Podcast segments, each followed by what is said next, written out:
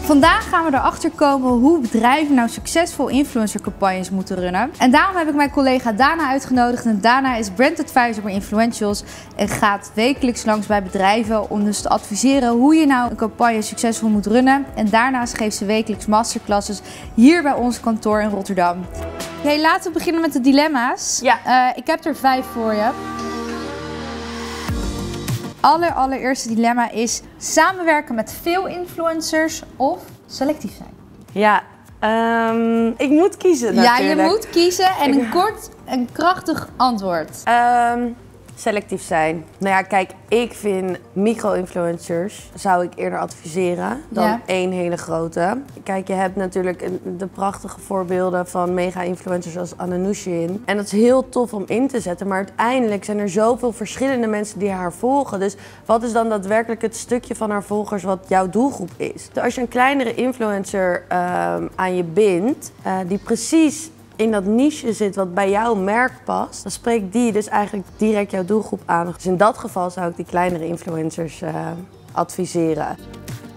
Influencers lang aan een merk binden of veel frisse gezichten. Langbinden, ambassadeurs, love it. Ja, ik ben echt pro kracht van herhaling. Dus ja, ik vind op lange termijn eh, influencers die goed voor jou werken, bind ze aan je en bouw een band op. Groei met elkaar mee als merk, maar ook als influencer. En ja, je moet top of mind blijven bij je doelgroep. Ja. Dus dan zeg ik ambassadeurs, om het zo te zeggen, dat je die kracht van herhaling creëert. En zou je die ambassadeurs elk jaar verversen? Zolang ze bij je passen, zou ik ze bij je houden.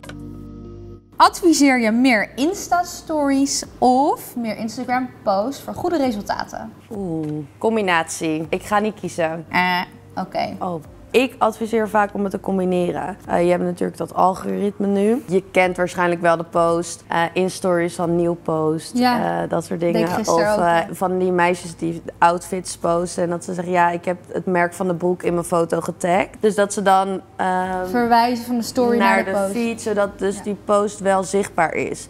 In het begin zag je ook heel veel dat influencers gingen vragen van... heb je mijn post gezien, ja of nee? Ja. Heel veel nee. Dus ik denk dat het heel sterk is om dat eh, met elkaar in verbinding te zetten. Hetzelfde geldt voor een blog. Dus als influencers een blog schrijven, push dat met bijvoorbeeld een Instagram story. En als influencers meer dan 10.000 volgers hebben, kan je die swipe-up doen Naar boven, ja. naar de blog. Dus dan creëert, of genereert de influencer of de blogger eh, meer traffic Ja. ook naar de blog. Dus dat is voor jou als merk natuurlijk ook interessant. Dat Ja. heb jij uiteindelijk meer Ja. eh, bereik. Werken in 2019 met micro of met nano-influencers? Ja, het is echt gewoon wat wil je bereiken. Ik zeg ook altijd in mijn masterclass, stap 1 is stel een doel en kies het juiste kanaal. Bij een storeopening of iets zou ik zeggen, ga op die nano zitten. Ja. Dus het gaat echt wel een beetje om Ja. strategie. Wil je zoals L'Oreal een olievlek? Ja, dan zou ik gewoon met micro-influencers Ja. werken. We merken wel dat die nano opkomend is, hè? Waarbij, Ja, mega leuk. ja, waarbij we een paar jaar geleden vertelden van micro-influencers is upcoming. Is dat eigenlijk nu die nano-influencers? Ja. De local hero die interessant kunnen zijn voor bedrijven die alleen lokaal Ja. opereren. Dus eh, ik ben wel benieuwd waar dat naartoe gaat. De laatste. Ben je er klaar voor? Spannend, ja, ik ben er klaar voor. Moet je influencers alleen inzetten voor een productpromotie of misschien ook voor een ander doel? Ehm, nou ja, ook voor een ander doel. Tuurlijk, niet alleen maar producten. Je kan zoveel met influencer marketing.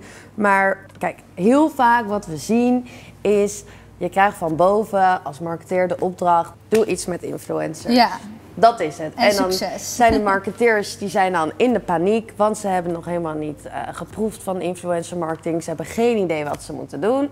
Dus dan denken ze, oké, nou, ik kies een paar Instagrammers uit en die geef ik dan mijn product en dan is het klaar. ja, Best wel saai. Ja. Want het is prima, maar het is best wel saai. Je kan zoveel meer. Bijvoorbeeld een milieudefensie. Oké. Daar hebben wij een hele leuke eh, succescase mee tegen de eh, ontbossing. Ja. Palmolieplantages. Nou, hoe hebben we dat gedaan? We hebben influencers ingezet, een stuk of tien. Instagram stories laten plaatsen nadat ze bij een event zijn geweest en een hele VR-experience hebben gehad. Ja. Nou, een betere manier dan brieven kan je niet krijgen, want ze stonden midden in dat probleem. Ja. Nou, ja, daarna hebben die influencers stories gemaakt met een swipe-up naar die pagina waar ze zaten helemaal aan het moment. Dus ja, dus ze konden helemaal die emotie overbrengen naar die volgers. Ja, superleuk. Uiteindelijk zijn er meer dan 700 petities getekend. Dus dat is eh, Hartstikke ja, veel. super tof om, Ja. om te zien.